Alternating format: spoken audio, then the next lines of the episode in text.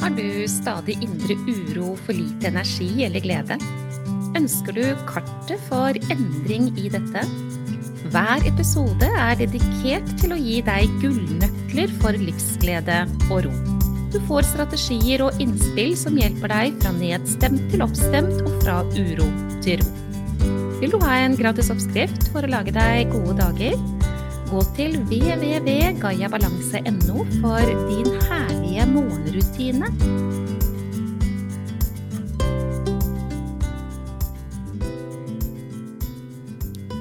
Denne episoden skal handle om noe som er superviktig.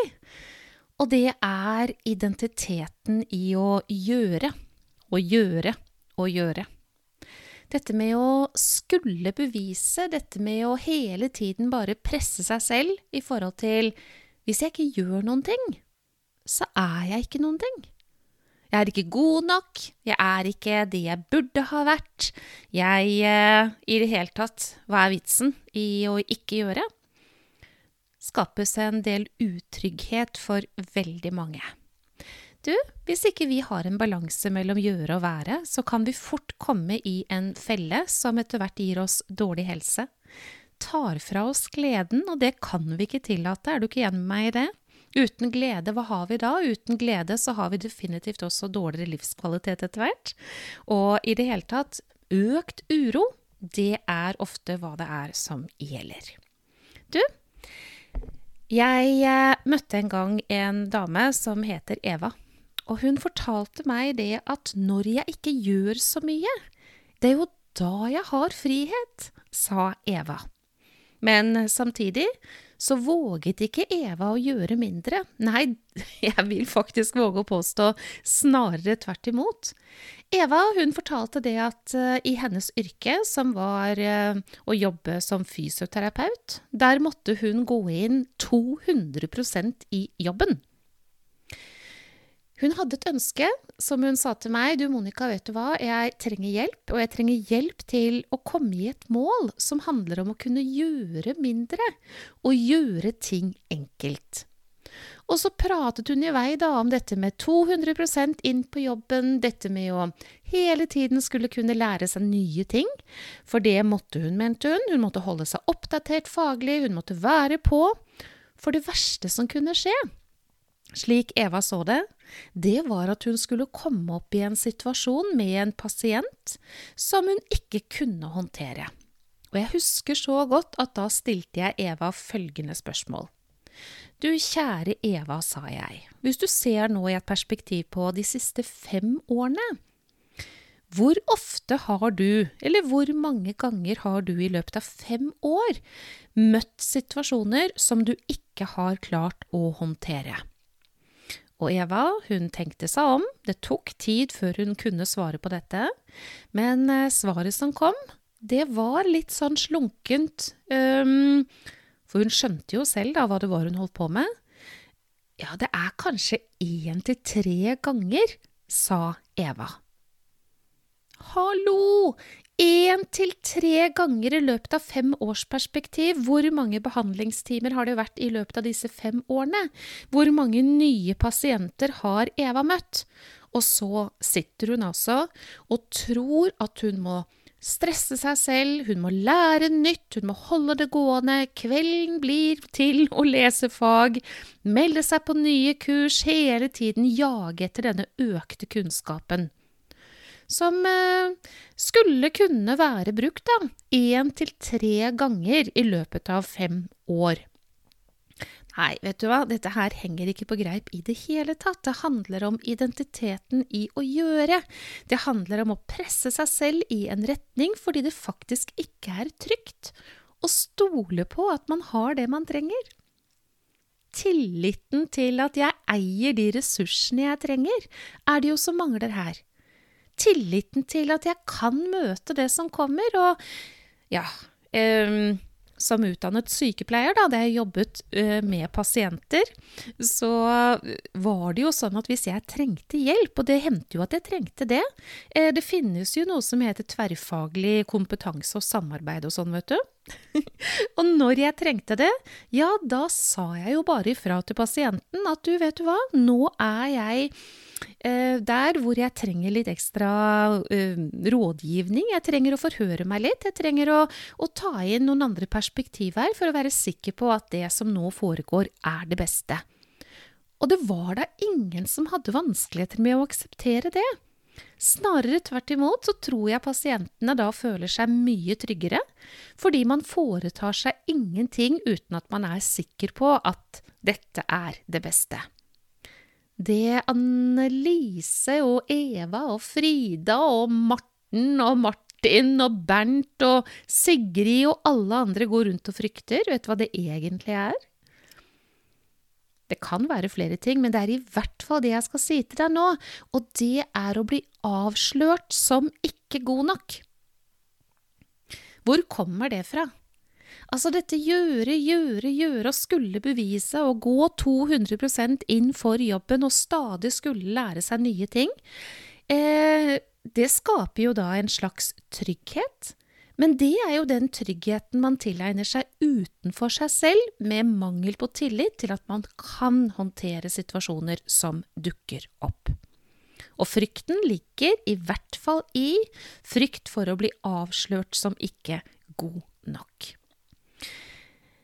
Grunnen til at jeg tar opp dette her i denne podkasten, som jo er klinkende klar på fokus når det gjelder stress, ikke sant, så er dette her en gedigen stresskilde Kjære Eva, som delte akkurat det jeg tar opp i dag med meg, og hun er ikke alene om det.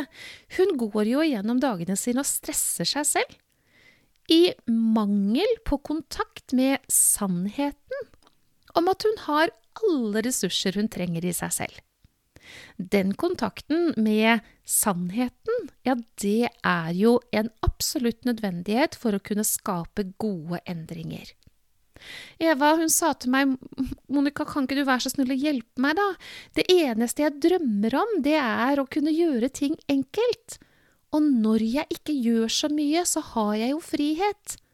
Og så spurte jeg, Eva, men du kjære deg, når er det du gjør ting enkelt, da? Har det seg slik at du noen gang gjennom dagene dine gjør ting enkelt? Har det seg slik at du har erfaring på at når du ikke gjør så mye, så har du frihet? Og Eva, hun eh, kikket ned, ble stille og sa nei, jeg eh, gjør vel strengt talt ingenting enkelt i dag. Og dette med å ikke gjøre så mye, det innbiller jeg meg ville gitt meg mye frihet, men jeg har ingen trening på det. Eva eh, hun var jo klar i talen, eh, så jo, men hun hadde ikke fullt og helt sett hva det var som var årsaken til at hun drev seg til gjøre, og dette å skulle bevise og dette med å være på høyden. Så hennes trening ble jo da å rette seg inn mot målet sitt om å gjøre ting enkelt og erfare at det faktisk går bra, og trygge seg selv på den veien. Det er altså trygt å ikke gjøre. Eva fant og hadde funnet tryggheten i det å gjøre, og jeg vet ikke, kjære lytter, kan du kjenne deg igjen i dette? Jeg møter veldig mange som er her, så jeg tror at det er mange som lytter på denne podkasten som også vil kjenne seg igjen i det. Tryggheten i å gjøre. Tryggheten i å gjøre handler om at du tror at du må gjøre for å være. At du ikke er god nok, at du må bevise at det er ikke trygt for deg å la være. Men det er ikke sannheten. Eva hun bestemte seg for at hun hadde ikke behov for å lære noe nytt lenger. Eh, og bestemte seg for da at hun skulle ikke melde seg på noen nye kurs på aldri så lenge, og det lot hun være også, og det hjalp jo mye.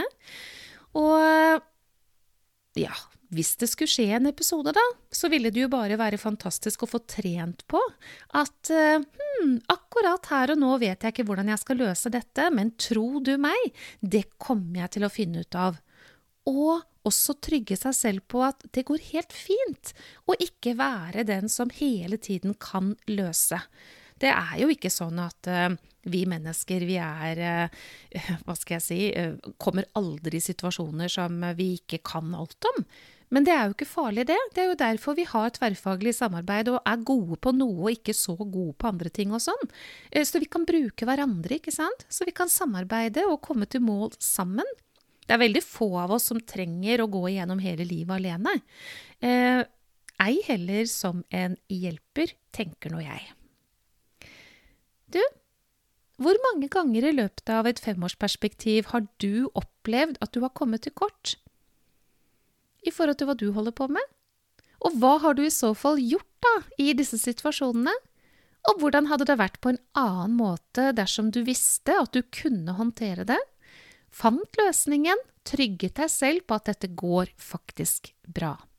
Og hvis du, kjære lytter, er en av de som går 200% inn for jobben, så har jeg lyst til til slutt nå å fortelle deg om eh, en eh, mann som jeg møtte en gang. En bedriftsleder. Og vi snakket om en del forskjellige ting, og så kom vi inn på dette her med ja, men hvem er det du vil ansette for jobben? Det spurte jeg om, altså hvilken arbeidstaker, hva slags type er det du helst vil ha når du skal ansette nye? Og i den samtalen der så kom det frem, og lytt nøye nå Jeg vil ansette de som på et spørsmål som lyder for eksempel Hvor mange prosent er du villig til å gå inn med for jobben? Er det 100% eller hva er det for noe du er villig til å gi av deg sjøl i dette arbeidet? Og da sa han det at hvis han fikk høre at noen ville gi 200% så ble de ikke ansatt. De ble ikke ansatt på 100% heller, han ville helst ha svar mellom 50 og 70% Hva handler det om? Jo, det snakket vi mer om også, og mannen kunne fortelle meg det. At du, Monica, vet du hva, livet er mer enn på jobben. Og skal mennesker komme til en ny arbeidsdag og forbli i arbeid og ikke bli sykemeldt, men ha glede og ha overskudd og ha energi og by på det beste, ja, da må de faktisk ikke gi så himla mye på jobben. Og det var eh, en øyeåpner for meg den gangen dette ble fortalt, og jeg gleder meg over å kunne dele det videre til deg. Og så kan jo du se på hva er det i forhold til andre deler av livet ditt, da? Hvis du gir 100 pluss til venner, du gir 100 pluss til gamle foreldre, du gir 100 pluss til eh, en kjæreste, hvis det skulle være sånn, du gir 100 pluss til barna dine osv., osv., vet du hva? Du må være villig til å gi minst like mye til deg selv. Så gjøre, gjøre, gjøre, ja, det må byttes ut med mye større dose være. Eva hun er en av de som tok imot min gave, eh, min herlige morgenrutine, som jeg da kaller for din herlige morgenrutine. Og hun begynte å gjøre den hver eneste dag, og det var jo ikke det eneste hun trengte å gjøre for å komme inn i en endring, men det var det første skrittet som skulle til. Og hver gang du hører på meg, så minner jeg deg selv om det, ikke sant? Jeg gjør det. Jeg minner deg om at du kan ta imot gaven dersom du ikke har gjort det. Og du får den på www.gayabalanse.no, legger igjen e-posten din og får tilsendt den gratis gaven til din e-post.